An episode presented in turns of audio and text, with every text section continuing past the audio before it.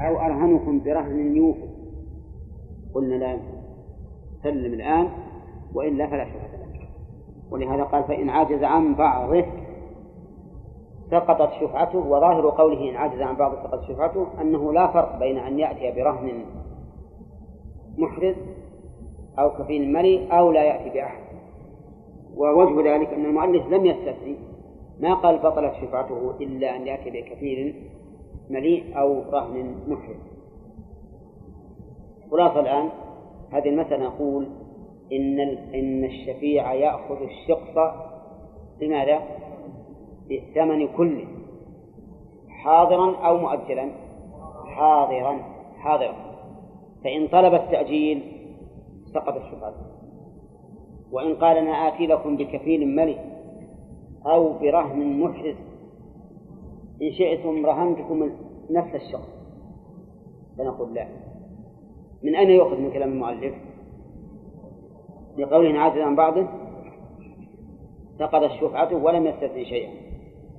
ثم قال رحمه الله والمؤجل يأخذه المليء به وضده بكفيل مليء. نعم المؤجل يعني الثمن المؤجل يأخذه المليء به أي بأجله. المليء من؟ الشفيع المليء. يأخذه بأجله. ومن هو المليء؟ المليء هو القادر على الوفاء بقوله وماله وبدنه. هذا المليء. والقادر على الوفاء بقوله وماله وبدنه. فإذا كان الثمن مؤجلا على المشتري وكان الشفيع مليئا أخذه بأجله يبتدئ الأجل من من أخذ الشفيع ولا من عقد البيع؟ طيب إذا قدرنا أن الثمن مؤجل إلى سنة وأخذ بالشفعة بعد مضي ستة أشهر معناه يؤجل سنة ثانية على كلامكم يؤجل. أنتم تقول يأخذه بأجل من من الأخذ بالشفعة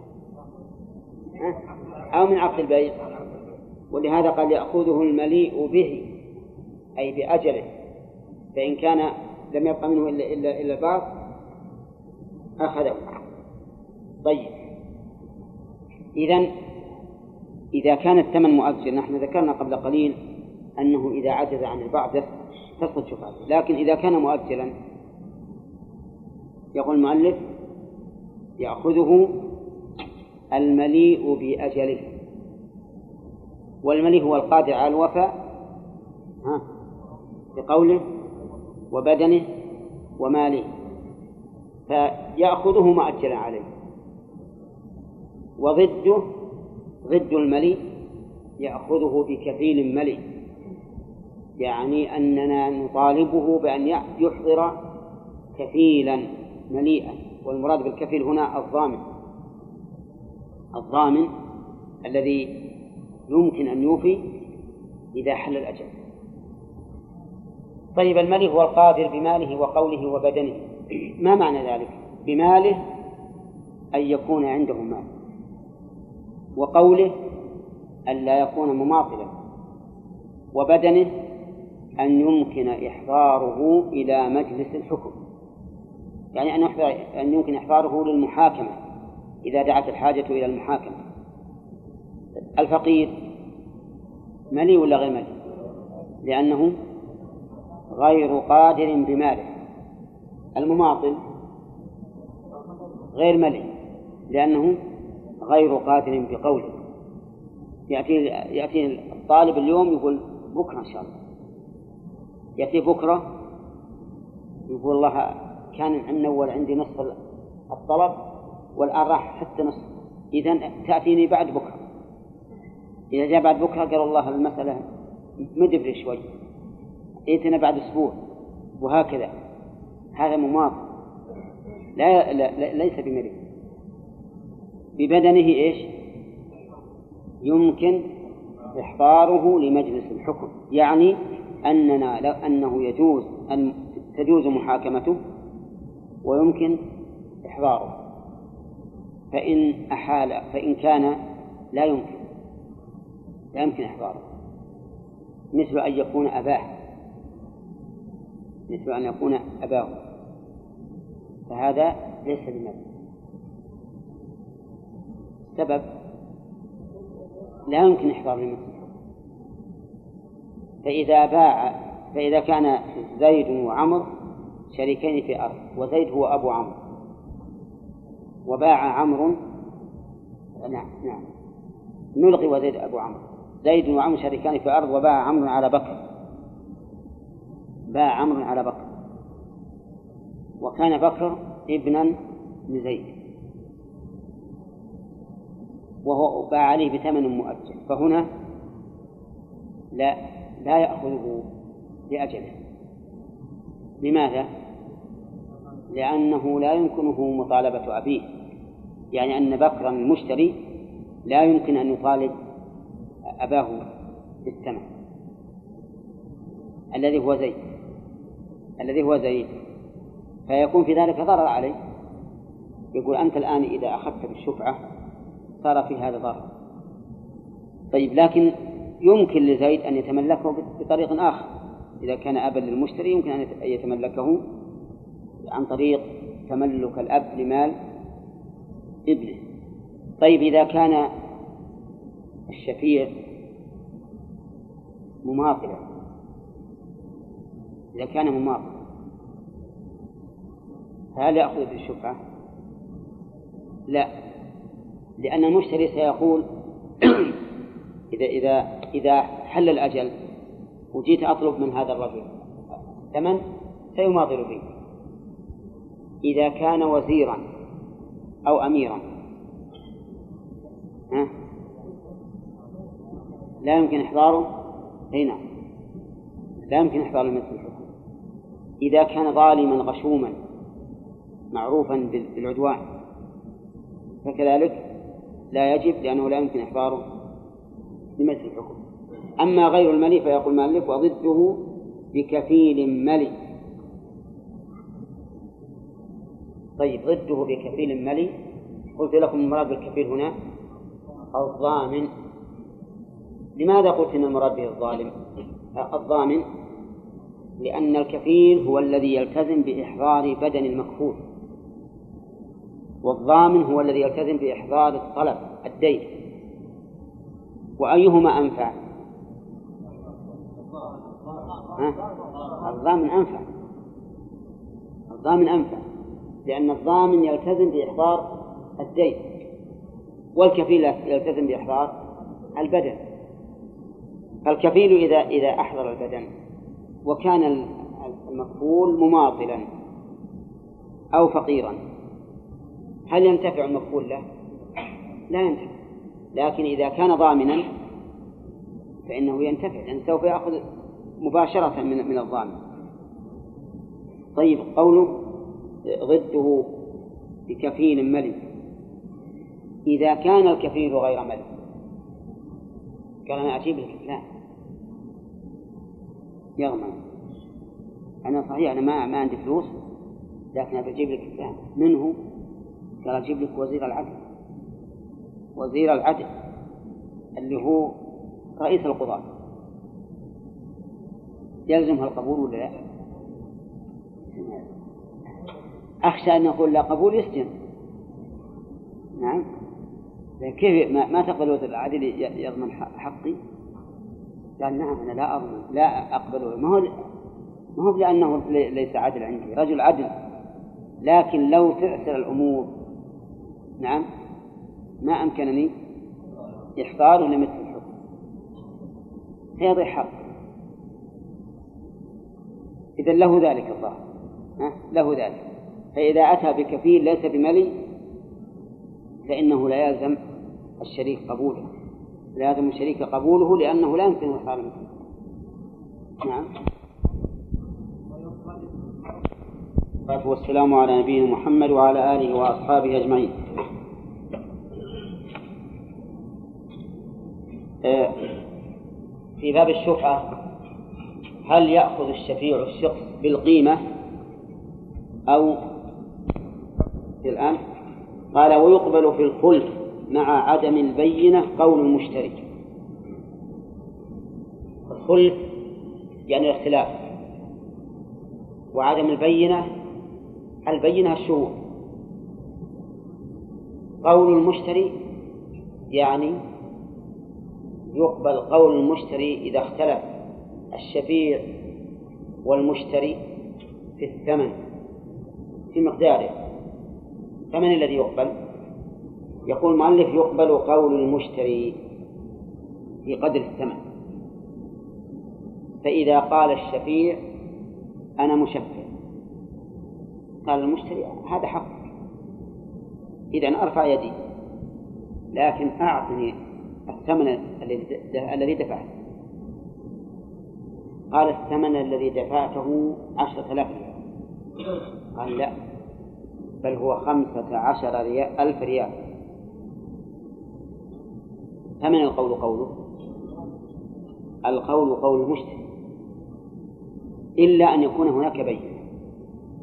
وعلى هذا فنقول للشفيع هات بينة أنه اشتراه بعشرة آلاف ريال فإن لم يأتي ببينة فالقول قول المشتري لماذا؟ لأنه غارم. لأنه غارم. هو يقول دفعت خمسة عشر ألف ريال فأعطني.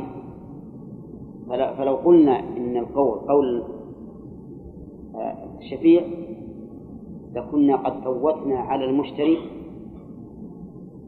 ما زاد ما ادعاه فهو غارم. ثانيا هو في الواقع مأخوذ منه ملكه بالقوة جبرا أو قهرا. أليس كذلك؟ وإذا كان مأخوذ منه قهرا فإن المرجع في تقدير ثمنه إليه. ولهذا يجوز له أن يمنع الأخذ بالشفعة إلا إذا سلم الشريك الثمن. لو قال للشريك ما يخالف أنا خذ خذه بشفعة لكن أعطني الثمن. قال انتظر إن شاء الله أجيبه بعد يومين ثلاثة يقول خلى الملك يبقى لي أحبسه على ثمنه. له الحق في ذلك لأن لأن الملك الآن مأخوذ منه قهرا. إذا فالقول قول المشتري لأنه غارم ولأن أخذه منه على طريق التملك القهري.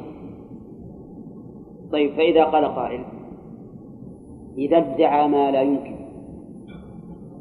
أو أو ما أو ما يكون بعيدا. مثل أن يقول قيمته مئة ألف وهو عند الناس لا يساوي عشرة آلاف. فحينئذ لا نقبل قوله. لأنه ادعى خلاف الظاهر.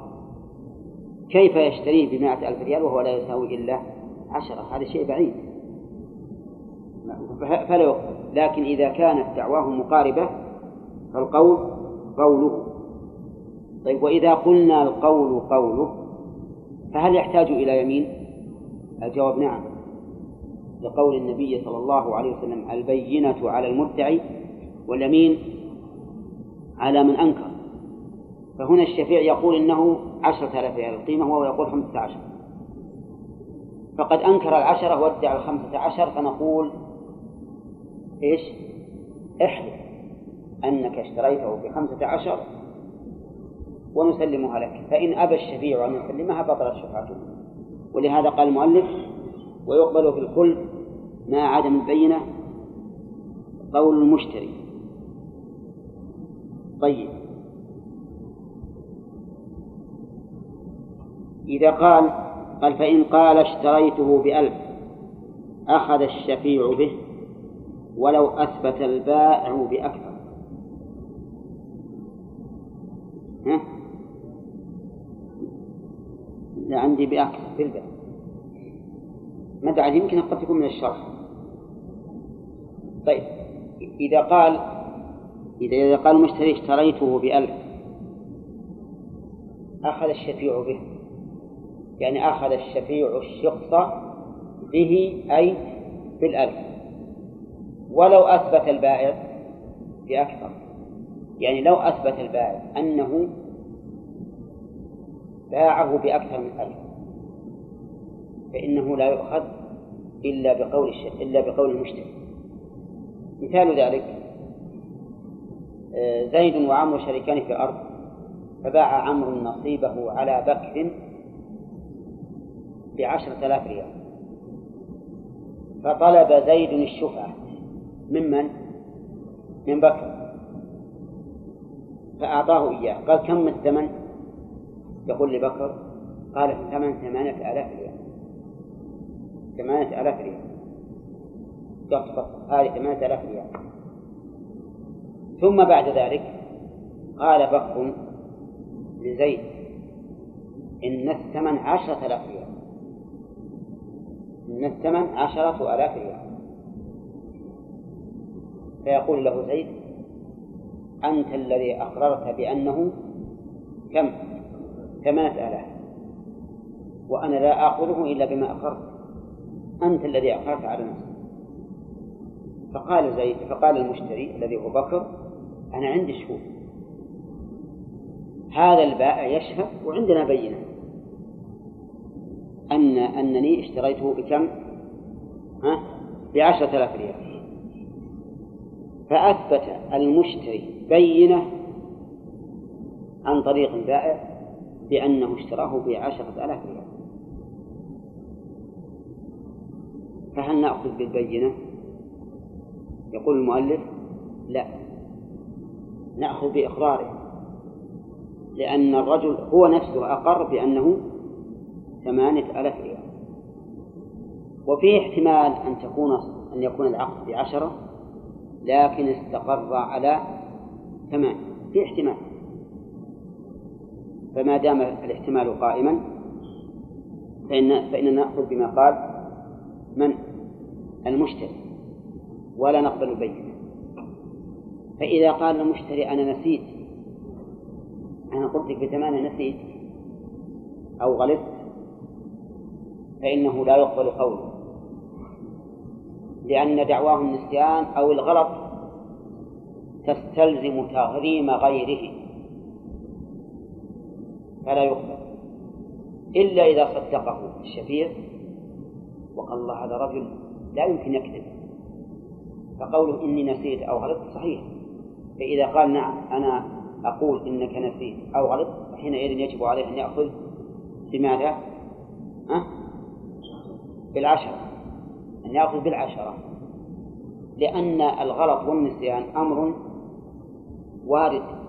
لا سيما إن كان هذا المشتري قد اشترى شيئا آخر شخصا آخر من مكان ثاني بثمانية آلاف ريال فإن الغلط هنا ممكن ولا لا؟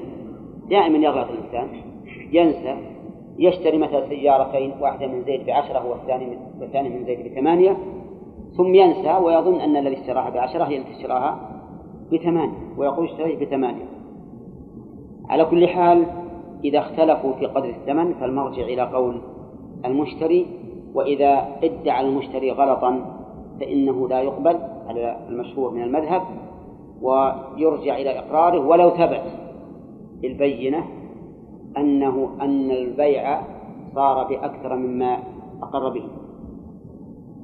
والقول الثاني أنه إذا ثبت بالبينة أنه بأكثر وجب الأخذ به. وجب الأخذ به. فإذا كان الصف الذي فيه البيع بين أيدينا ومكتوب فيه عشرة وهو قد أقر بأنه بثمانية فإن المرجع إلى على هذا القول الثاني المرجع إلى إيش؟ إلى البين إلى الصف. وهذا هو القول الذي تطمئن إليه النفس. لأن النسيان والغلط واردان طيب فإن ادعى نسيانا أو غلطا ولم يكن بينا تدل على أنه ناس أو غالط فهل يقبل قوله؟ فيه أيضا خلاف أما المذهب فلا يقبل كما عرفت. والقول الثاني أنه إذا كان معروفا بالصدق وكان ما ادعاه أقرب إلى إلى إلى موافقة القيمة مما أقر به. فإن القول قوله انتبه بشرطين نحن ذكرنا عشان نوضح المسألة إذا ادعى غلطا المذهب لا يقبل مطلقا ولو أقام بينة بذلك. القول الثاني إذا ادعى غلطا أو نسيانا وأقام بينة أخذ بما قامت به البينة. هذه واحدة. إذا ادعى غلطا أو نسيانا وهو معروف بالصدق وكان ما ادعاه أقرب إلى القيمة مما أقر به. فالقول أيضا الصحيح أنه يقبل قوله ولكن إذا قلنا بقبول قوله فلا بد من من يمينه لا بد من يمينه طيب إذا ادعى غلطا أو نسيانا وهو غير معروف أو ادعى غلطا أو نسيانا لكن ادعى قدرا بعيدا عن القيمة فإنه لا يقبل قوله. فصار القول الصحيح على النحو التالي إذا قامت بينة بغلطه أخذنا بما قامت بالبينة. إذا كان معروفا بالصدق وكان ما ادعاه مقاربا للقيمة أخذ بقوله إذا كان غير معروف بالصدق أو كان ما ادعاه بعيدا عن القيمة فإنه لا يؤخذ بقوله. طيب بقي علينا. إذا صدقه الشفيع. إيش تقولون؟ ها؟ إذا صدقه الشفيع. قال نعم أنت كنت قبل قبل يومين أو ثلاثة ثمانية آلاف والآن تقول لك نسيت وأنها عشرة وأنت عندي صادق. يؤخذ بقوله ولا لا؟ نعم. تتوقفون في هذا ولا تلزمون؟ تلزمون بإيش؟ بأنه يؤخذ بقوله. لأن الخصم هو الشفيع وقد أقر بما يدعيه هذا الرجل فلا حاجة إلى فلا إشكال في ذلك. نعم. نعم. نبينا محمد وعلى آله وأصحابه أجمعين. ما معنى قول المؤلف ويقبل في الخلف مع عدم البينة؟ قول مشترك وليان خطأ إذا اختلف الشفيع واختلف المشتري اصبر التعبير هذا خطأ. نعم. زين. صح يا جماعة؟ ليش ما تصح العبارة الأولى؟ لأن الاختلاف يقتضي؟ لا لا. الاختلاف يقتضي أنه وقع بين بين شخصين. فإذا قلنا إذا اختلف الشفيع مع من؟ بس هو يقول واختلف المشتري مع غيره. إذا منع الشفيع يندور من اختلف. معه والمشتري يندور من اختلف معه. مفهوم؟ مثل ما لو قلت إذا تقاتل زيد وتقاتل عمرو. مع من تقاتل؟ ها؟ المهم أن الفعل المشترك لا يجوز أن يكرر مرة ثانية. اللي غير مشترك ما يخالف. تقول قام زيد وقام عمرو. لكن الفعل المشترك بين اثنين لا يمكن أن يعاد مرة ثانية لأنه يختلف المعنى. طيب إذا الصواب والمشتري نعم. اختلفوا في إيه؟ بأن قال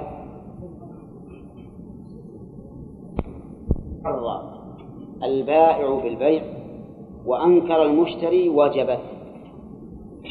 وجبت إيش؟ الشفعة. وجبت الشفعة. مثال ذلك زيد وعمر شريكان في أرض. فباع عمرو نصيبه من الأرض على بكر ثم طالب زيد الشريك الذي هو الشريك طالب من؟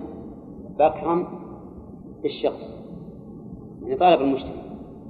فقال المشتري أنا ما اشتريت. ما اشتريت شيء. كيف ما اشتريت؟ شريك يا عمر يقول إني بعت عليك. قال بعت ما اشتريت.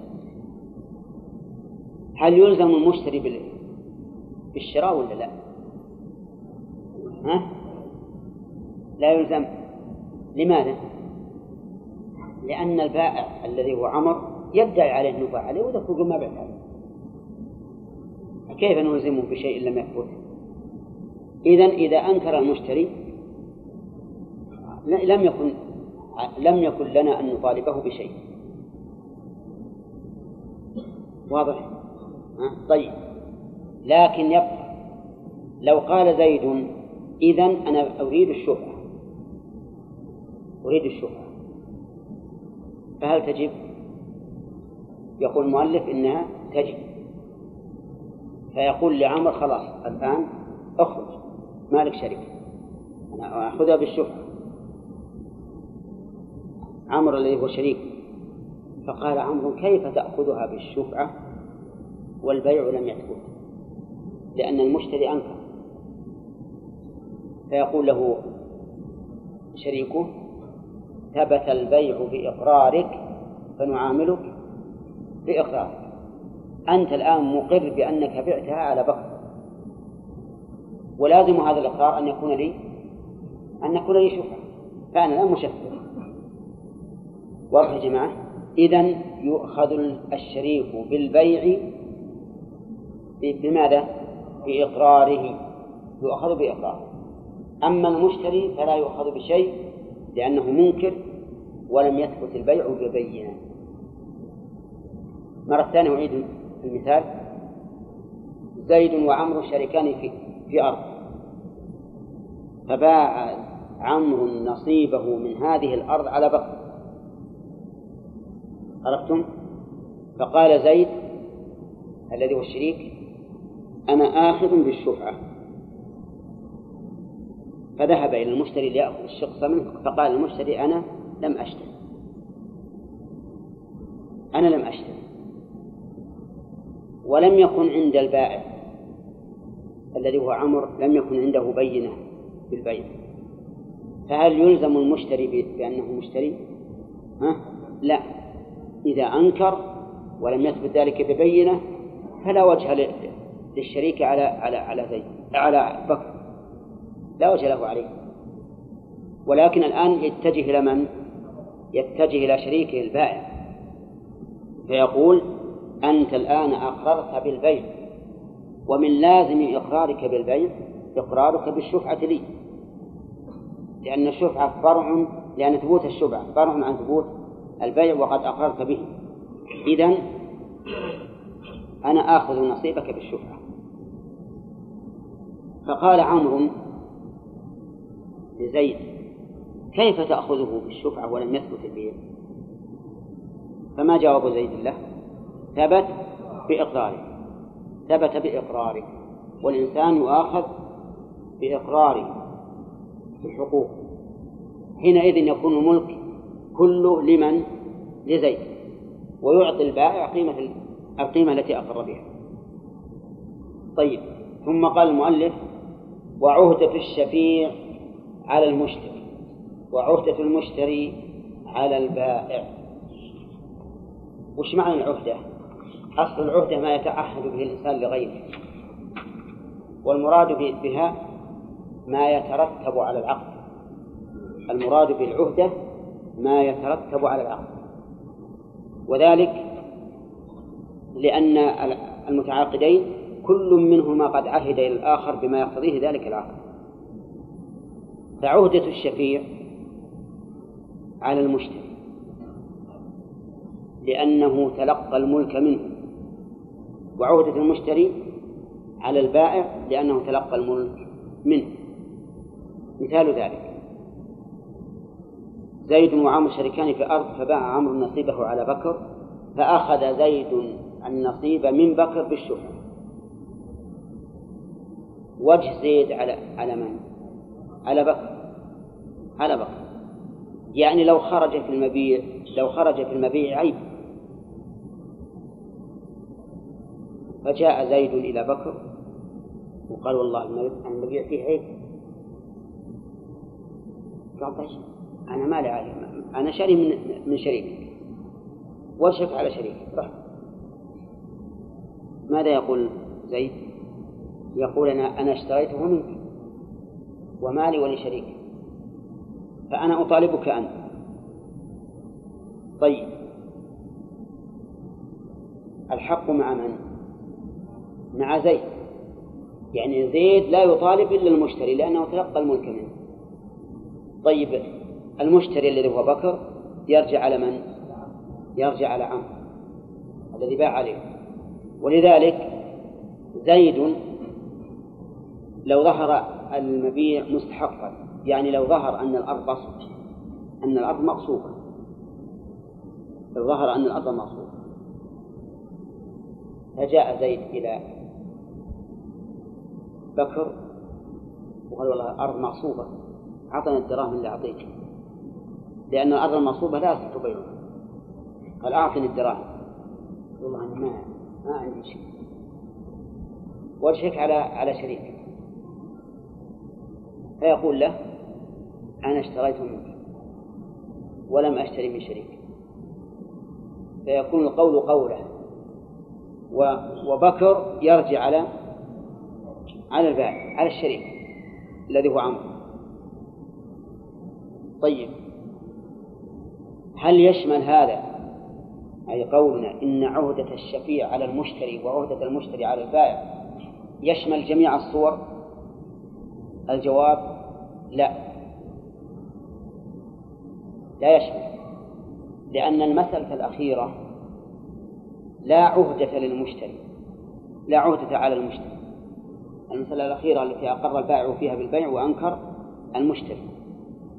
في هذه الحال أو في هذه الصورة تكون عهدة الشفيع على من؟ على البائع على الشريك اللي هو البائع. ولا تكون على المشتري لأن المشتري منكر ولم يثبت عليه ببينة أنه اشترى. إذا عهدة الشفيع على المشتري وعهدة المشتري على البائع إلا فيما إذا أقر البائع بالبيع وأنكر المشتري فإن العهدة تكون على البائع تكون على البائع. واضح؟ طيب هذه المسألة واضحة لكننا ننتقل منها إلى مسألة يستعملها الناس الآن وهي غلط وخطأ وهي في بيع السيارات. تباع السيارات عدة بيعات. ثم ينقلها المعرض باسم آخر واحد. من المعرض إلى آخر واحد. وهذا حرام ما يجوز. لماذا؟ لأن المعرض سيقول باع المعرض الفلاني على فلان. السيارة بكذا وكذا. وهل هذا صحيح؟ ها؟ غير صحيح. لأن عشرة. يعني المعرض باع على رقم واحد واحد باع على رقم اثنين واثنين باع على رقم ثلاثة وثلاثة باع على رقم أربعة وأربعة باع على رقم خمسة وخمسة باع على رقم ستة وستة باع على رقم سبعة سبعة باع على رقم ثمانية ثمانية باع على رقم تسعة تسعة باع على رقم عشرة عشرة عشرة عقود نبي ننقذ من إيش؟ من الصفر إلى عشرة كل هؤلاء نتخطاهم هذا لا شك من كذب. ثم المسألة يترتب عليها عهد عهد. الآن لو ظهر في السيارة عيب.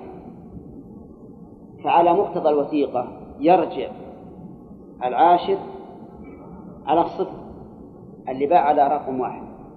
ولا لا؟ لأن هذا هذا مقتضى الوثيقة. والحقيقة أنه يرجع على العاشر يرجع على التاسع والتاسع على الثامن الثامن على السابع وهلم عكسه واضح؟ فهذه مع الكذب فيها اختلاف أحكام العقود حيث يكون حكم العقد العاشر وعهدة المبيع تتعلق بمن؟ بالتاسع والآن نبي نجعل تتعلق بالصفر اللي, اللي, اللي باع على الواحد وهذا خطأ هم يفرون من أي شيء يفرون من الدراهم اللي تجعل عن انتقال الملك وهذا خطأ. إذا كانوا يفرون من الدراهم فبدل من أن يجعلوها بعشرين يجعلوها بتسعة عشر. وتكون الدراهم على البائع إن كان إن, إن كان البائع هو الرغبان في البيع.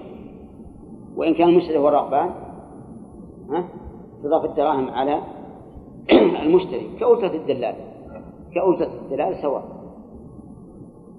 فالمهم أنه يجب على المسلمين أن يحرروا العقود التي بينهم وأن تكون العقود محررة ومنطبق عليها الصدق.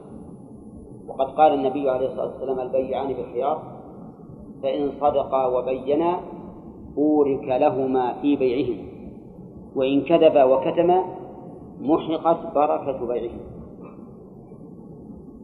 ثم قال المؤلف رحمه الله باب الوديعة. الوديعة مأخوذة من ودع الشيء إذا تركه. ومنه قوله صلى الله عليه وسلم لينتهين أقوام عن ودعهم الجمعات. عن ودعهم يعني تركهم الجمعات. فوديعة إذن وديعة فعيلة بمعنى مفعولة. أي متروكة فما هي الوديعة إذن؟ هل كل متروك يسمى وديعة؟ لا. ليس كل متروك يسمى وديعة. وإلا لجعلنا من رمى بالمتاع الذي لا يريده. لسمينا هذا المتاع وديعة. لكن الوديعة اصطلاحا هي التوكيل في الحفظ.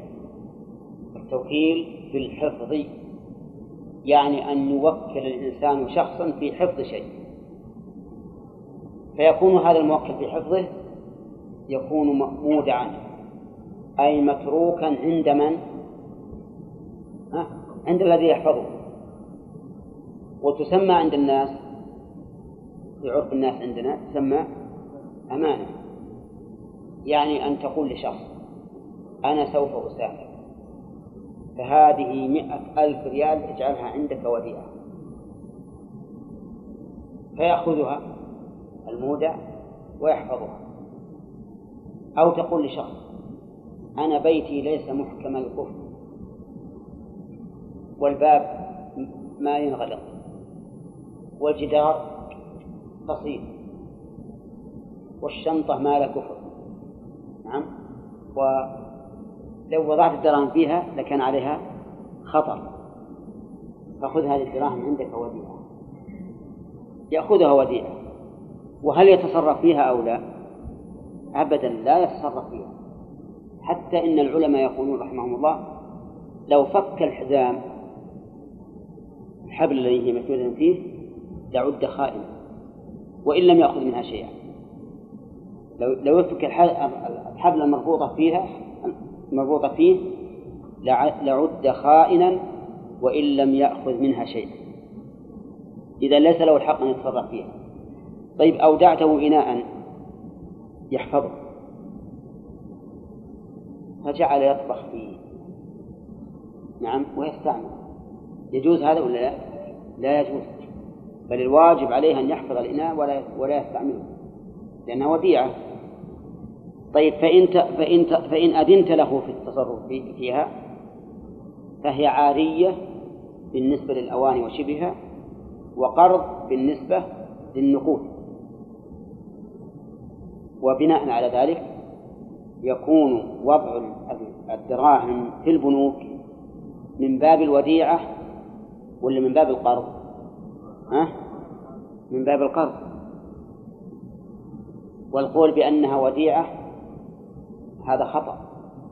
يعني هذا من الخطأ السائد بين الناس الآن. كثير من الناس يقولون في المال الموضوع عند البنوك يقول هو وديعة. ها؟ إيداع في البنك. نعم. وهذا خطأ. بل هو إقراض للبنك. لأن المودع قد أذن له في التصرف فيها عرفا. أليس كذلك؟ ولهذا يعمد البنك على طول ويضعها في في صندوق يتصرف فيها فهو قرض وليس وديعة. فيه بنوك يقولون إنها قد وضعت صناديق للإيداع بمعنى أنك تعطيهم الدراهم بربطتها ويضعونها في هذا الصندوق ولا يأخذون منها ولا فلسا هذا صحيح هذا وديعة. أما أما المعتاد عندنا في بلدنا فإنه يعتبر قرضا. ولهذا نقول لو كانت هذه البنوك لا تتعامل إلا بالربا مئة بالمئة لكان وضع البنوك في وضع الدراهم فيها حراما لأنه إعانة لهم على الربا. لكن يقولون إن البنوك هذه تتعامل بالربا وهو أكثر معاملاتها وتتعامل أيضا بغيره في منشآت تنشئها تستغلها في أخذ مقاولات في متاجرات. فلهذا يكون مالها مخلوطا بين الحرام وبين الحلال. وهذا هو الذي يخفف من الإفتاء بوضع بجواز وضع الدراهم فيها. وإلا لقلنا لا يجوز أن تضع الدراهم فيها ولو أن تحرقها. ما يجوز تضع فيها. لأن الربا أمره عظيم. الربا محاربة لله ورسوله. كما قال الله عز وجل فإن لم تفعل يا أيها الذين آمنوا اتقوا الله وذروا ما بقي من الربا إن كنتم مؤمنين. فإن لم تفعلوا فأذنوا بحرب من الله ورسوله. ولا أعظم من الإذان بحرب من الله ورسوله. نسأل الله العافية. أنت لو أن لو أخذت علما لتحارب قبيلة هم أعلى منك. لعد ذلك إيش؟ سفها فكيف وأنت تحارب رب العالمين عز وجل؟ وتحارب رسوله. بل وتحارب المؤمنين جميعا. لأننا نرى أن من كان حربا لله ورسوله فهو حرب لنا. فهو حرب لنا. ولا نرضى أن يحارب الله ورسوله دون أن نكون تحت راية الله ورسوله. أبدا. الحاصل إن أني أقول إن الوديعة هي التوكيل في أو الإيداع هو التوكيل في حفظ المال لا إعطاء المال لمن يستعمله. فإن إعطاء المال لمن يستعمله غرض إن كان نقودا وعارية إيش؟ إن كان منقولا إن كان غير نقود إن كان غير نقود طيب. حكم الوديعة. حكم الوديعة بالنسبة للمودع جائزة وقد فعلها النبي صلى الله عليه وسلم حين هاجر من مكة إلى المدينة. وحكمها بالنسبة للمودع سنة إن قدر على حفظها لأنها من, الإحسان. وقد قال الله تعالى وأحسنوا إن الله يحب المحسنين. أما من لا يقدر على حفظها فإنه لا يجوز له أخذها. سواء كان لا يقدر على حفظها لعدم وجود مكان يحفظها فيه أو لأنه لا يأمن نفسه عليها. لأن بعض الناس قد لا يأمن نفسه عليها بحيث إنه, بحيث إنه إذا كانت الدراهم عنده ربما إيش؟ يتصرف فيها. نعم. نعم. وعلى نبينا محمد وعلى آله وأصحابه أجمعين. يقول المؤلف رحمه الله آه، في باب الشفعة إن عهدة الشفيع على المجتمع بالنسبة للمودع بالفتح مستحبة إذا أمن نفسه على ذلك وقوي على حفظها. ودليل ذلك قوله تعالى وأحسنوا إن الله يحب المحسنين فهي من الإحسان. لأن الرجل إذا إذا أعطاك شيئا تحفظه له فلولا أنه محتاج إلى ذلك ما أعطاك وإذا كان محتاجا إلى ذلك وقضيت حاجته كان ذلك من الإحسان المأمور به المحبوب إلى الله. وقد ثبت في الحديث الصحيح أن الله في حاجة العبد ما كان العبد في حاجة أخيه. وعلى هذا فيستحب للإنسان إذا ودع وديعة وأمن نفسه عليها. وقوي على حفظها أن إيش؟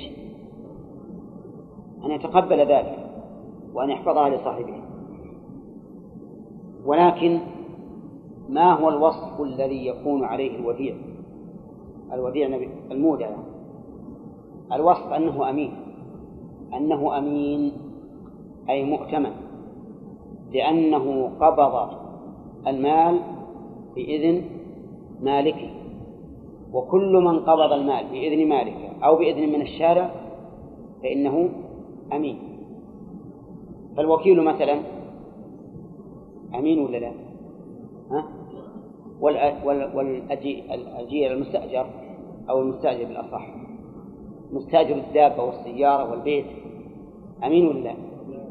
ولي اليتيم في مال اليتيم أمين لأنه قبضه بإذن الشارع المهم أن كل من قبض مال غيره بإذن منه أو من الشارع فإنه أمين يده يد أمان. والقاعدة في الأمين أنه لا يضمن ما تلف تحت يده إلا بتعد أو تفريط هذه القاعدة. قاعدة أنه لا يضمن ما تلف بيده إلا بتعد أو تفريط طيب. نرجع إلى الوديع المودع. هل يده يد أمانة؟ وهل هو أمين؟ ها؟ الجواب نعم. لأن المال حصل عنده بماذا؟ بإذن من مالك. إذا فهو أمين. ولهذا يسميه العامة الآن يسمي الوديعة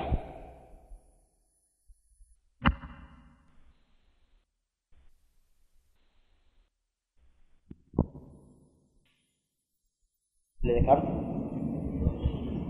أن اليمين أن الأمين إذا تلف المال تحت يده بلا تعد ولا تفريط فلا ضمان عليه.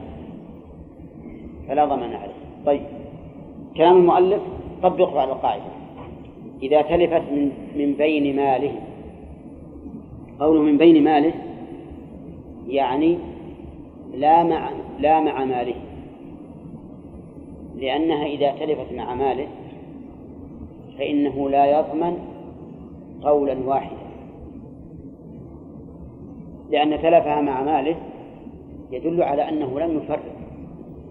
إذ أن الإنسان يحفظ ماله بما يحفظه أو بما يكون فيه حصوله. فإذا تلفت مع ماله فلا ضمان عليه قطعا وقولا واحدا. مثال ذلك إنسان أودعني إناء. أودعني إناء. ثم إني وضعت هذا الإناء مع الأواني مع الأواني التي عندي. وليكن إبريقا مثلا. وضعته مع الأباريق التي عندي. فسرق هذا الإبريق. سرق. فجاءني صاحبه يطلبه. فقلت إنه قد سرق. فهل علي ضمان؟ وأنا قد أحرزته وضعته بحر ليس علي ضمان. لكن إذا قال صاحبه كيف يسرق من بين الأباريق التي عندك؟ ما يمكن هذا. أنت كذاب. لماذا لا يختار السارق إلا إبريقي؟ يقول المودع يقول الله ما أعرف. هذا الذي حصل. إبريقك تلف وقال بعض العلماء إذا تلفت من بين ماله فعليه الضمان لأن تلفها من بين ماله دليل على تفريطه وإهماله فيها. ولكن الصواب الصواب ما قاله المؤلف. يقول ولم يتعد طيب إذا من بين ماله معناها من دون من دون ماله لأن إذا تلفت مع ماله فالأمر واضح. وقوله ولم يتعد ولم يفرط أي لم يتعد فيها ولم يفرط في حفظها. فما الفرق بين التعدي والتفريط؟ التعدي فعل ما لا يجوز والتفريط ترك ما يجب. انتبه. التعدي فعل ما لا يجوز والتفريط ترك ما يجب. مثال ذلك في مسألة الإبريق التي مثلنا فيها. أودعت عند شخص إبريقا وكان عنده أباريق فقال الحمد لله. جاء الله إلي بإبريق. وصار يستعمل إبريقي الذي أودعته عنده ويدع أباريق هذا إيش؟ متعدي ليش؟ فعل فعل ما لا يجوز. فيكون متعدي في هذه الحال لو سرق الإبريق ولو محرزا فعليه فعليه الضمان فعليه الضمان لأنه متعدي. وبمجرد تعديه تكون يده كيد الغاصب. انتبه لهذا. بمجرد تعديه تكون يده كيد الغاصب ضامنة بكل حال. طيب. التفريط قلت ترك ما ما يجب. هذا الرجل إذا جاء الليل دخل أباريقه في الحجرة. وصك عليها أما الإبريق الوديعة فيجعله خارج الباب. هذا ماذا نقول فيه؟ نقول هذا مفرط لأنه ترك ما يجب. فتكون يده حينئذ يد ضمان يد ضمان فيضمن يضمن. طيب ولهذا قال المؤلف ولم يتعدى ولم يفرط لم يضمن. إذا قال قائل ما هو الدليل على أنه لا يضمن مع أن المال تلف تحت يده. قلنا الدليل قوله تعالى ما على المحسنين من سبيل. ما على المحسنين من سبيل. وهذا الذي أخذ الوديعة عنده محسن إليك بلا شك. فإذا تلفت فلا نضمنه. لأننا لو ضمناه لجعلنا عليه سبيلا. الله سبحانه وتعالى يقول ما على المحسنين من سبيل. قال ويلزم يعني شرع المؤلف رحمه الله في بيان ما يلزم الوديع. قال يلزمه ألها تعود على من؟ المودع. طيب يلزمه حفظها في حرز مثلها يلزمه أن يحفظها وأن يكون الحفظ أيضا في الحرز. فلا بد من شيئين من حفظها وفي حرز فمثلا إذا كان كتابا حفظه في المكتبة لكن المكتبة في أرضها أرضه فوضعه على الأرض. وتعرفون أن الأرض اللي فيها أرضة إذا وضعت فيها الكتاب أكلته. لم يجعله في الرفوف المنفصلة عن الأرض. نقول هذا الرجل وضعها في حرز مثلها ولكن حفظها ولا لا؟ لم يحفظها بل فرط فيها والواجب أن يضع الكتاب في موضع لا تناله الأرض. يلزم حفظها في حرز مثلها والحرز يختلف. بماذا؟ بعدة اعتبارات. يختلف باختلاف الأموال. وباختلاف البلدان وباختلاف السلطان قوة وضعفا وعدلا وجورا. صح؟ طيب. اختلاف الأموال كيف؟ ليس حرز الذهب والفضة كحرز الأواني صح؟ الأواني تودع في ظاهر البيت. في الحجر في الغرف بدون أغلاق وثيقة. والذهب والفضة في الصناديق في أغلاق وثيقة. كذا ولا لا؟ طيب. المواشي. الإبل حرزها أن تكون في حوش. محصن. قوي. والظأن في حوش دون ذلك. حسب الحال. كذلك تختلف باختلاف البلدان. البلد الذي يعتبر مدينة فيه جنود الأمن منتشرة. ليس كالبلد الذي الذي يعتبر قرية مفتوحة الأبواب ليس فيها أحد من قوى الأمن. أيهما أولى بالتحرز الثاني القرية. كذلك في السلطان قوة وضعفا وعدلا وجورا معلوم أن أن السلطان إذا كان قويا حان الاحتراس. وإذا كان ضعيفا يجب أن يشتد الاحتراس. أليس كذلك؟ إذا كان قويا ربما نقول لو تبع الذهب والفضة على عتبة الدكاكين صار ذلك حرزا. وإذا كان ضعيفا فاجعل مع القفل قفلين. لأن لأن السلطان ضعيف. لو أمسك السارق ورفع إلى إليه قال له عرضا اللي سرقت والآن متعود. نعم وخلاص. يروح هذا يعتبر ضعيفا ولا قويا؟ يعتبر ضعيف. طيب في العدل والجور أيهما أولى؟ أن يكون جائرا أو عدلا. يتراءى لبعض الناس أن السلطان الجائر الصارم الذي يبطش بحق وبغير حق يتراءى للناس أن هذا أشد في حفظ الأمن من من السلطان العدل. وليس هذا بصحيح. لأن الذي يكون بهذا جائرا إنما يخشاه الناس ظاهرا. أولى. لكن إذا إذا حصلت لهم فرصة في أمر غير ظاهر نعم فلا تسأل عن حاله. وأما السلطان العدل الذي يريد أن يقيم شرع الله في أرضه فهذا يسخر الله له القلوب. ويضع في الورع في قلوب الرعية حتى يحصل الأمن والاستتباب بسبب عدله.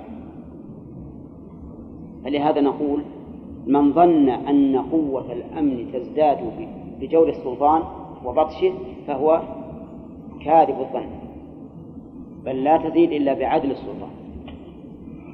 طيب إذا قول المؤلف في حرز مثلها إذا قال ما معنى حرز مثلها نقول هو المكان الذي تحفظ فيه عادة إيش؟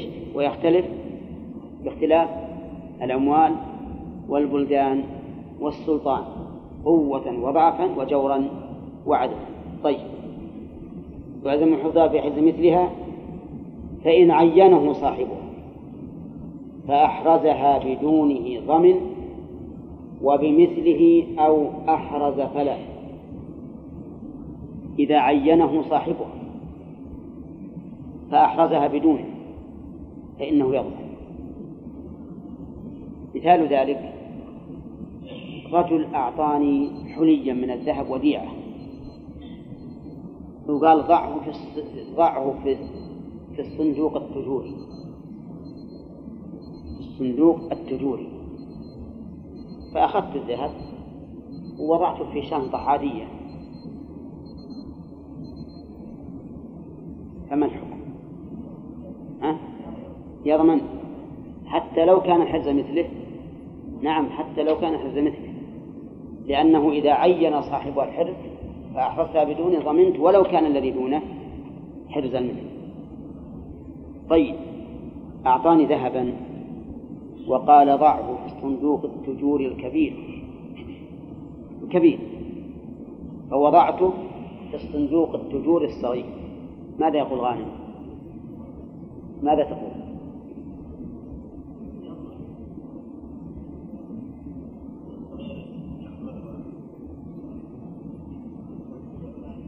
يشتغلون صحيح؟ نعم إذا قال احفظه في صندوق التجور الكبير فحفظه في صندوق تجوري لكن دون دون ذلك فإنه يضمن لأن الكبير أحرز من الصغير. واضح؟ حتى لو كان التجور الصغير حرز المثل فإنه يضمن لأن صاحبها عين الحرز. فإذا قال المودع كيف تضمنونني وأنا وضعتها في صندوق تجوري هو حرز مثلها قلنا لكن صاحبها عينها عين حرزها بما هو حفظها بما هو أحرز. ولماذا لم تقل له لما قال لك ضاحت الكبير لم تقل له لا أبضاحها بالحرز مثله فقط طيب إذا أحرزها بمثله إذا أحرزها بمثله أو أحرز فتلفت فهل عليه ضمان؟ ها؟ لا ليس عليه ضمان طيب نشوف الآن هذا رجل عنده مخزن وعنده أربع صناديق تجور واحد اثنين عند الباب الباب بينهم واثنين في أقصى الغرفة فقال صاحبها صاحب الوديعة ضعها في الصندوق اللي في أقصى الغرفة فوضعها في الصندوق الذي يلي الباب يضمن ليش؟ الصندوق واحد قطعه واحد ما في كبير ولا صغير. المكان؟ طيب. لو قال قائل إن السارق قد يختار البعيد لأنه يقول أش... القريب ما في شيء ما هم حطوا به إلا الأشياء الزهيدة. الأشياء الغالية في الغالب تجعل في الأماكن البعيدة من السراق. نعم. فيه نعم فيه احتمال. يعني قد يقول قائل إن الذي عند الباب مثل الأقصى وقد يقول إنه دونه وقد يقول إنه أحرز منه. لأن المسألة في الحقيقة اعتبارية. لكن ما رأيكم لو أن المودع لو أن المودع استنتج بذهنه قال الأحسن خلي الباب مفتوح. خلي الباب مفتوح. لأن السارق إذا جاء ورأى الباب مفتوح ورأى الصندوق مفتوح قال هذا ما في شيء. لو في شيء ما خلوا كل شيء مفتوح. وش تقولون في هذا؟ يضمن؟ يضمن على كل حال. لأن هذا إنتاج استنتاج ما صحيح. لو كان الأمر كذلك لكان كل الناس يبقون أبوابها مفتوحة وصناديقهم مفتوحة ويقولون هذا إذا إذا رآه السواق قالوا لو فيها شيء ما ما خلوه مفتوحة. أي نعم. على كل حال المؤلف يقول إذا أحرزها بمثله فلا ضمان. وقال بعض العلماء إذا أحرزها بمثله فعليه الضمان لأن تعيين صاحبها للحرز يدل على أنه مراد عنده. لو أعطاك إياها صحيح إذا أعطاك إياها ولم يعين ضعها فيما تشاء. لكن إذا عين لا تخالف. إلا إذا عينتها إذا إذا إذا وضعتها بما هو أحرز فلا شك أن ذلك أنه لا ضمان عليه والله أعلم. نبينا محمد وعلى آله وأصحابه أجمعين. بماذا تصف يا أحمد يد المودع؟ قال وإن قطع العلف عن دابة بغير قول صاحبها ضمن. انقطع من؟ الضمير يعود على المودع. العلف عن الدابة المودعة بغير إذن صاحبها ضمن. لأن قطع العلف عنها يؤدي إلى هلاكها ولا شك. وكذلك لو قطع عنها الماء فهلكت فإنه يضمن لأنها لا تحيا إلا به. وهذا النوع من باب التعدي أو من باب التفريط. من باب التفريط لأنه ترك ما يجب وهو الإعلاء. وعلى هذا فيضمن وعلم من قول المؤلف بغير إذن صاحبها ها؟ إيش؟ إيه نعم صح بغير قول صاحبها أنه لو قال له صاحبها لا تعلف فترك إعلافها حتى ماتت فإنه لا يضمن بناء على أن ضمان البهيمة إذا تلفت جوعا أو عطشا من باب ضمان الأموال الصامتة التي لا روح فيها والأموال الصامتة التي لا روح فيها إذا أتلفها الإنسان بإذن صاحبها فإنه لا يضمن لو أعطاني شخصا ساعة وقال خذها الساعة كسرها وكسرتها ها؟ أضمن ولا لا؟ لا أضمن لأنني أتلفتها بقول صاحبها فكذلك البهيمة. إذا حبست الطعام أو الشراب عنها وماتت بقول صاحبها لا تطعمها فإن فإنني لا أضمن لأن ضمانها ضمان مال. وقال بعض أهل العلم بل يضمن لأن هذه نفس محترمة. نفس محترمة ليست كالمال المال لا يتألم. لو كسرت ما يتألم. لكن هذه تتألم. ونحن مأمورون منهيون عن إيذائها وعن الإشقاق عليها.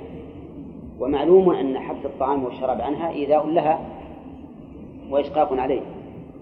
فلهذا يجب عليه الضمان لأن قول صاحبها في هذه الحال امتثاله أو لأن امتثال قول صاحبها في هذا الحال معصية لله. ولا طاعة لمخلوق في معصية الخالق فيجب عليه الضمان. ولكن هذا القول له وجه كما علمت لأنه لو أمرني أن لا أعطي هذه البهيمة ماء عند العطش ولا طعاما عند الجوع فهذا أمر بمعصية. لكن ينبغي أن يقال إن على المودع الضمان ولكنه يجعل في بيت المال. ما يعطى صاحب البهيمة. لأن صاحب البهيمة قد رضي بتلفها عليه. قد رضي بتلفها عليه. فكيف يرضى بتلفها عليه ونعطيها القيمة؟ فتجعل قيمتها في بيت المال. طيب فإذا قال المودع أنا لم لم أفعل إلا ما أمرت به. أنا لم أفعل إلا ما أمرت به. قلنا نعم أنت أمرت بهذا لكن هل هذا سائغ لك عند الله؟ لا غير سائغ. في كل ذات كبد حرة أجر. فلا, فلا يسوغ لك أن تدع الإنفاق عليها وأنت قادم عليه لمجرد قول صاحبه ولهذا لو أنك أطعمتها العلف وسقيتها الماء ثم جاء صاحبها وقال أين البهيمة؟ فأعطيتها إياه هل يمكن أن يقول صاحبها لك اضمنها؟ لأنك خالفت أمري. ها؟ أبدا.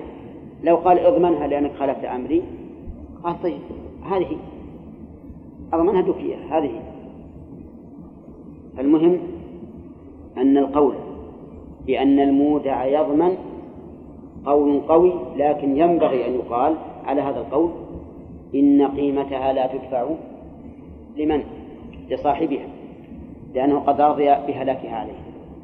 نعم لو قال صاحبها لا تطعمها أو لا تسقها والمدة قصيرة وكان صاحب البهيمة أراد من ذلك الحمية حميتها عن الأكل والشرب لأن ذلك يضر بها فحينئذ نقول للمودع إيش؟ يجب عليك أن لا لا تعلفها ولا تسقيها تسقيها يجب أن لا تعلفها ولا تسقيها لأن هذا من مصلحتها وليس فيه مضرة إذ أن المدة قصيرة أعطاك إياها في الصباح وقال سيأتي بعد الظهر.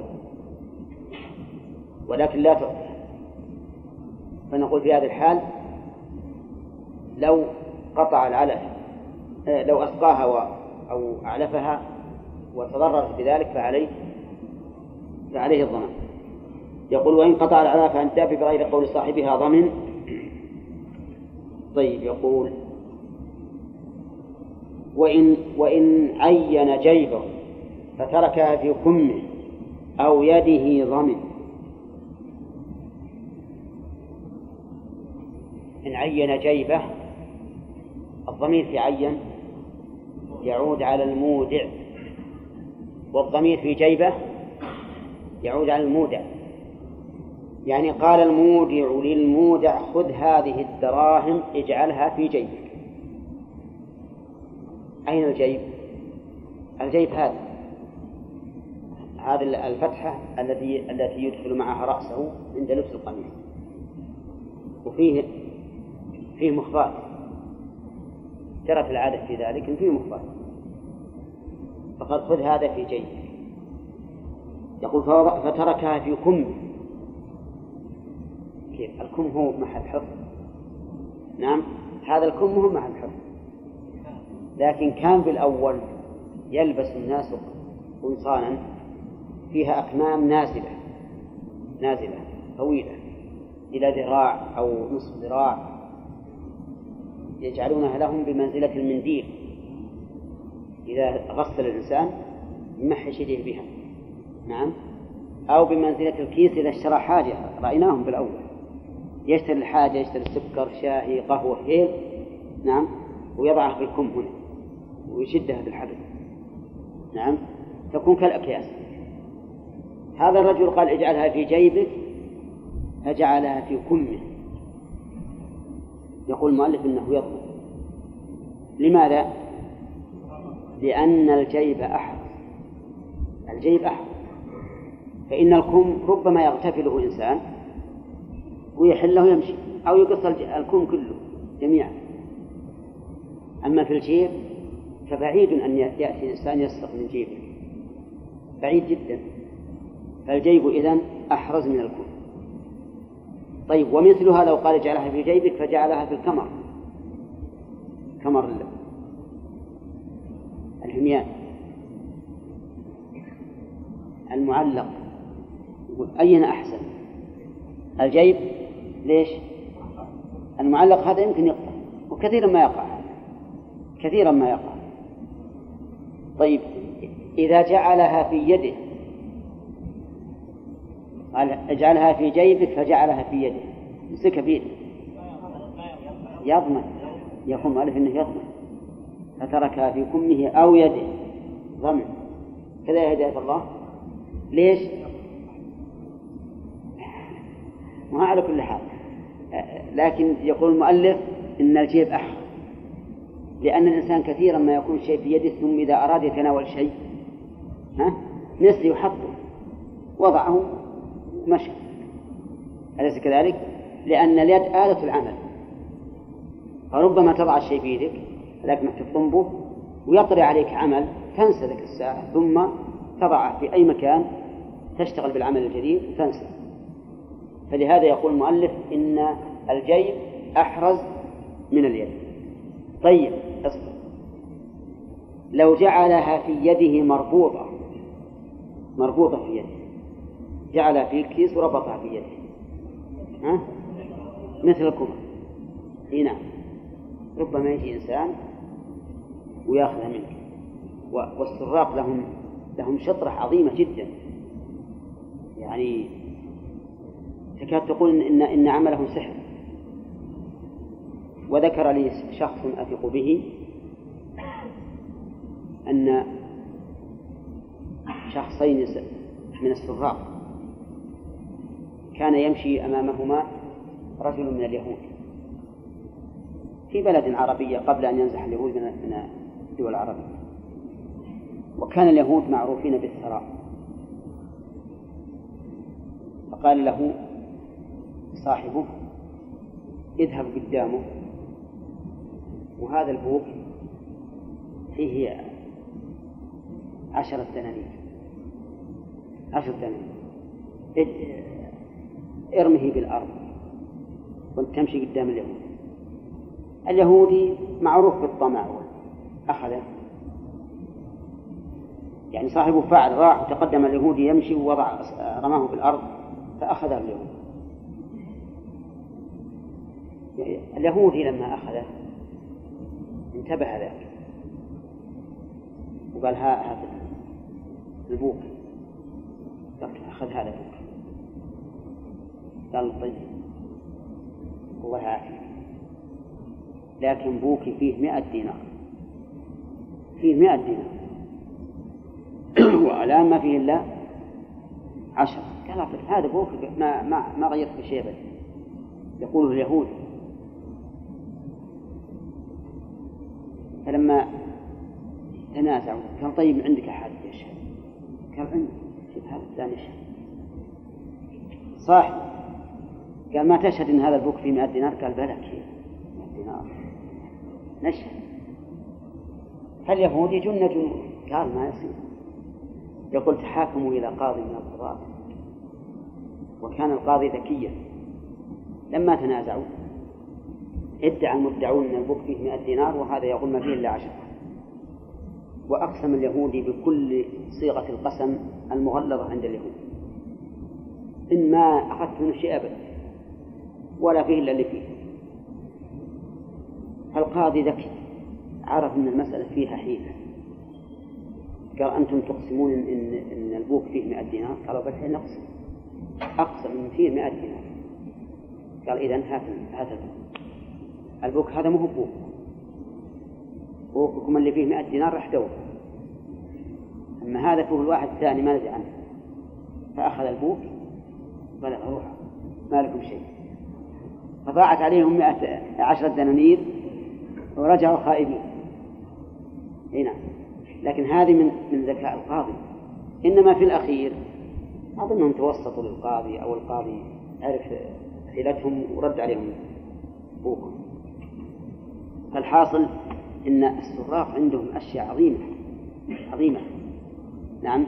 وفي أيضا قصة ثانية كان مندوب من ال...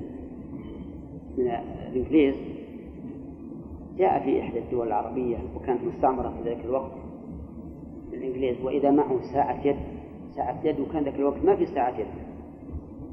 وجازت لواحد من السراق. وصار هذا كل ما وقف عند كان وقف هذا السارق معه أخيرا سرق الساعة. سرق الساعة من يده. وذاك ما عرف لما جاي بإرادة الساعة عن الوقت ما وجد الساعة؟ تعلم لهذا. كيف تسرق الساعة من يدي؟ وأنا من مندوب بريطاني وإيش بعد أخرج في الصحف إعلان. على أن الذي يأتي بالساعة له كذا وكذا من المال وذكر مالا عظيما.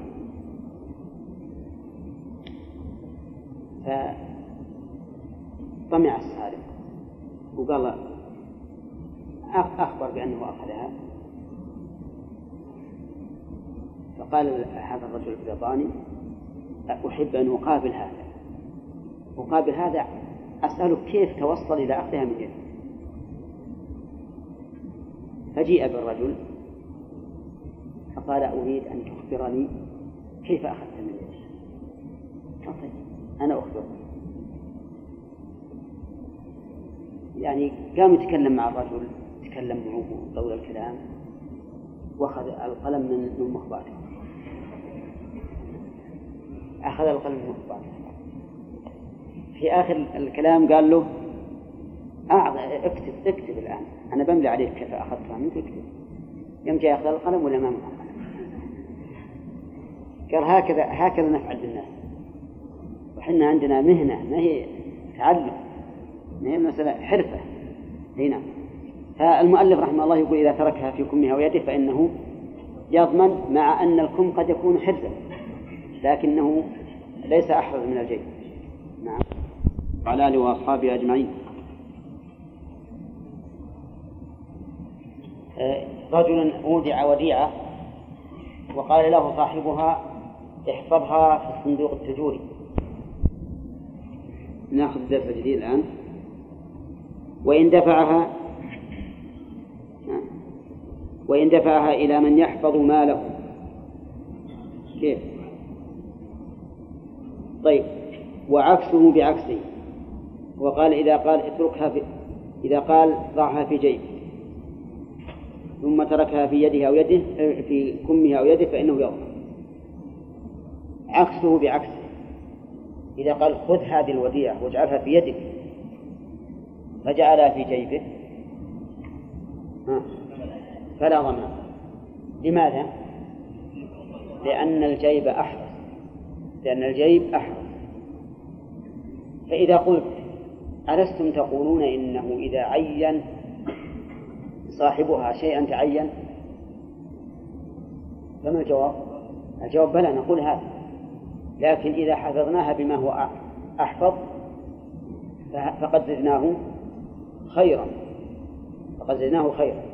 بخلاف ما إذا عينه وحفظناها بما هو دونه فقد نقصنا مما عينه.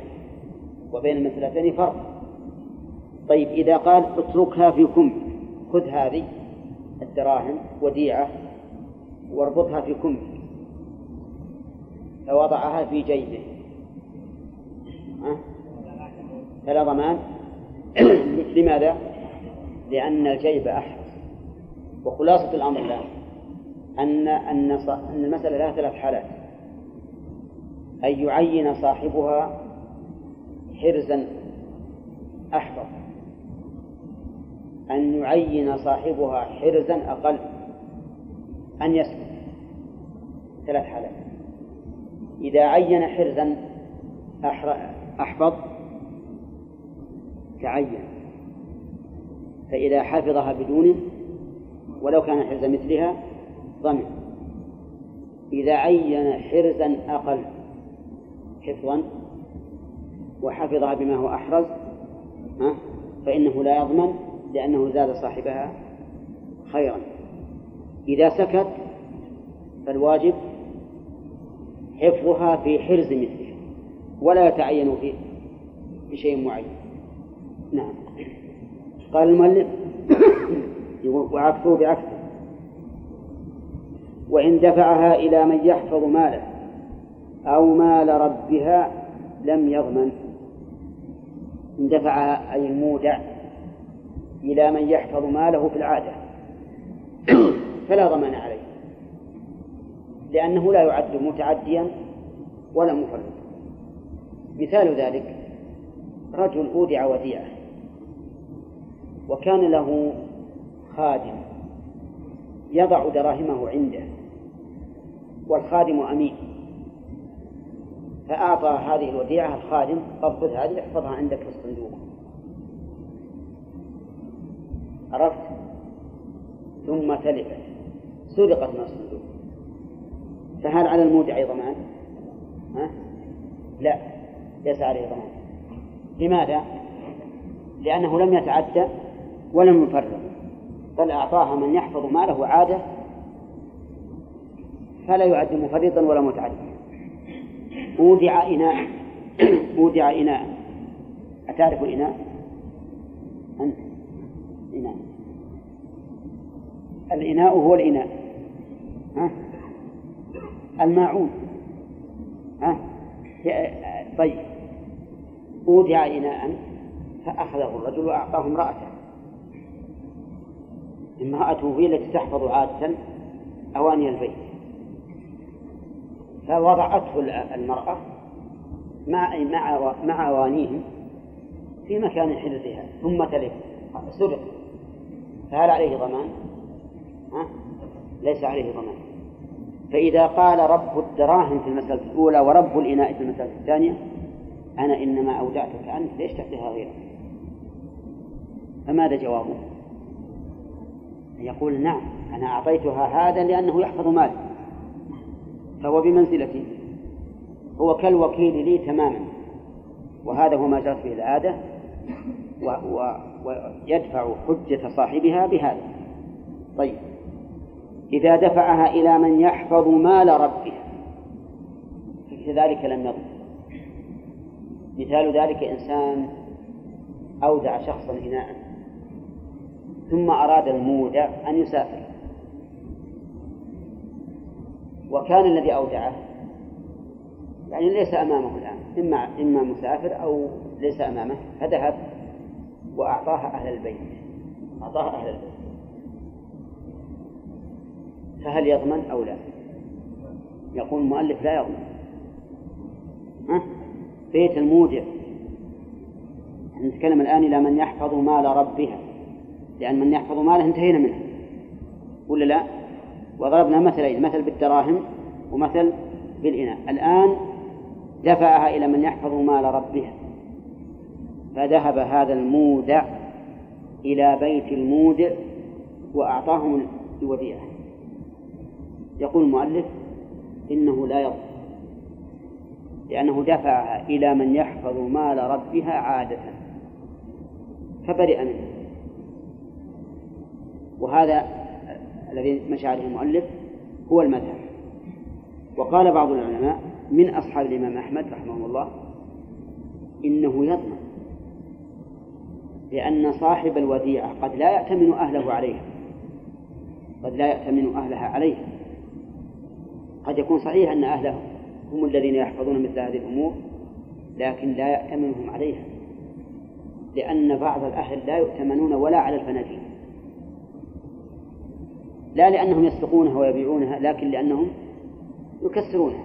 ما يهتم يضع الفنجان في طرق البيت يأتي واحد يضرب رجله له.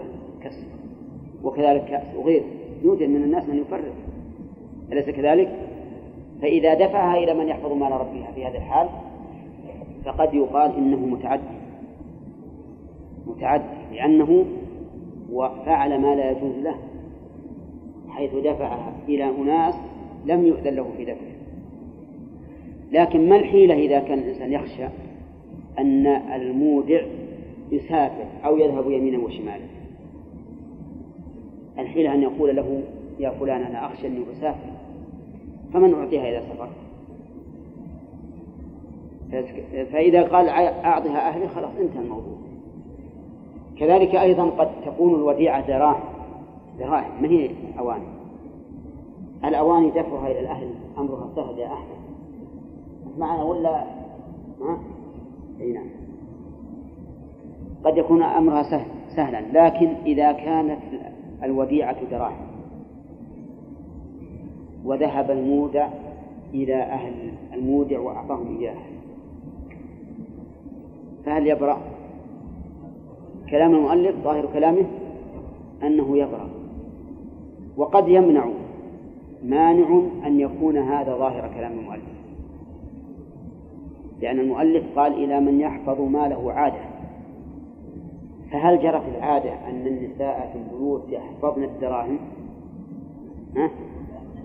لا الحقيقة أنه يختلف يختلف من الناس من يأمن أهله حتى على الدراهم يعرف أن أن امرأته أمينة وأنه إذا جاء دراهم ستضعها في المحل اللائق ولا تأخذ منها ولا قرشا ومن الناس من قد تأخذ امرأته امرأته دراهمه من مخاته هل تؤمن هذا على الدراهم أن تعطى إياها؟ ما تؤمن طيب. إذا ربما نقول إن كلام المؤلف إذا دفعها إلى من يحفظ مال ربها عادة فما لم تجري العادة بحفظ الأهل له كالدراهم مثلا فإنه إذا دفعها إلى أهل البيت يكون ضامنا لتعديه حيث فعل ما لا يجوز. وحينئذ نقول في ذلك تفصيل. دفع مثل الآنية. ليس فيه ضمان لأنه مما جرت العادة به ودفع الدراهم وشبهها مما يخشى أن يكون المودع لا يأمن أهله عليها يكون فيه يكون فيها ضامنا. نعم. قال المؤلف رحمه الله ولم يضمن وعكسه الأجنبي والحاكم. عكسه الأجنبي والحاكم يعني لو دفعها إلى أجنبي فتلفت فعليه الضمان عليه الضمان ومن المراد بالأجنبي هنا؟ المراد بالأجنبي من لا يحفظ مال مال ربه عادة فإذا قال قائل أين دليلك على هذا التفسير؟ أن المراد بالأجنبي من لم من لم تجد العادة بحفظ مال ربها قلنا بضدها تتبين الأشياء فلما حكم بانتفاء الضمان على من دفعها إلى من يحفظ مال ربها علمنا أن الأجنبي من هو؟ من لم تجد العادة بحفظه مال مال ربها واضح؟ وهذا من الأمور التي نبهنا عليها فيما سبق أن الشيء قد يعلم تفسيره بذكر مقابله. وذكرنا من ذلك آية من كتاب الله. ولعلكم تذكرون أي نعم. قوله تعالى فانفروا ثبات أو انفروا جميعا. ثبات مش معناه ثبات. ها؟ فرادى فرادى قد قد لا يفهم الإنسان هذا المعنى لو جاءت منفردة لكن لما قال أو انفروا جميعا عرف أن المراد بالثبات ما سوى الجميع. إذا فالمراد بالأجنبي في كلام المؤلف من هو؟ من لم تجد العادة بحفظ مال ربها عنده. فهنا يضمن. يضمن المودع. ضمان تعدي ولا تفريط؟ ضمان تعدي ضمان تعدي لأنه فعل ما لا يجوز. مثال ذلك رجل أودع وديعة ولتكن مئة ألف ريال. فقال أنا الآن بروح أصلي خذ يا فلان حطها عندك لين أجي حتى أرض من الصلاة فلما رجع من الصلاة قال المودع إنها سرقت. سرقت. وهذا المودع نسميه مودع المودع. أولى طيب هل يضمن المودع الأول؟ يضمن. إيش؟ ضمان؟ تعدي لأنه فعل ما لا يجوز. ليش تعطي غيرك؟ أنا لو أريد فلان أو فلان راح تعطيهم إياه. أنا أعطيتك أنت لأني واثق بك. كيف تروح تذهب وتودعها غيرك؟ فعليه الضمان. فإن قال المودع لربها أنا أخشى أني يكون لي شغل الآن ما أروح للبيت ولا أروح للدكان أبى أعطيها واحد. فقال أعطها من تثق به حتى ينتهي شغلك فأعطاها من يثق به ثم تلفت عند الثاني فليس عليه ضمان. لماذا؟ لأن صاحبها قد أذن له في ذلك فلم يكن منه تعدي طيب في المسألة الأولى في الحال التي نقول إنه يضمن هل قرار الضمان عليه أو على المودع الثاني أو على المودع الثاني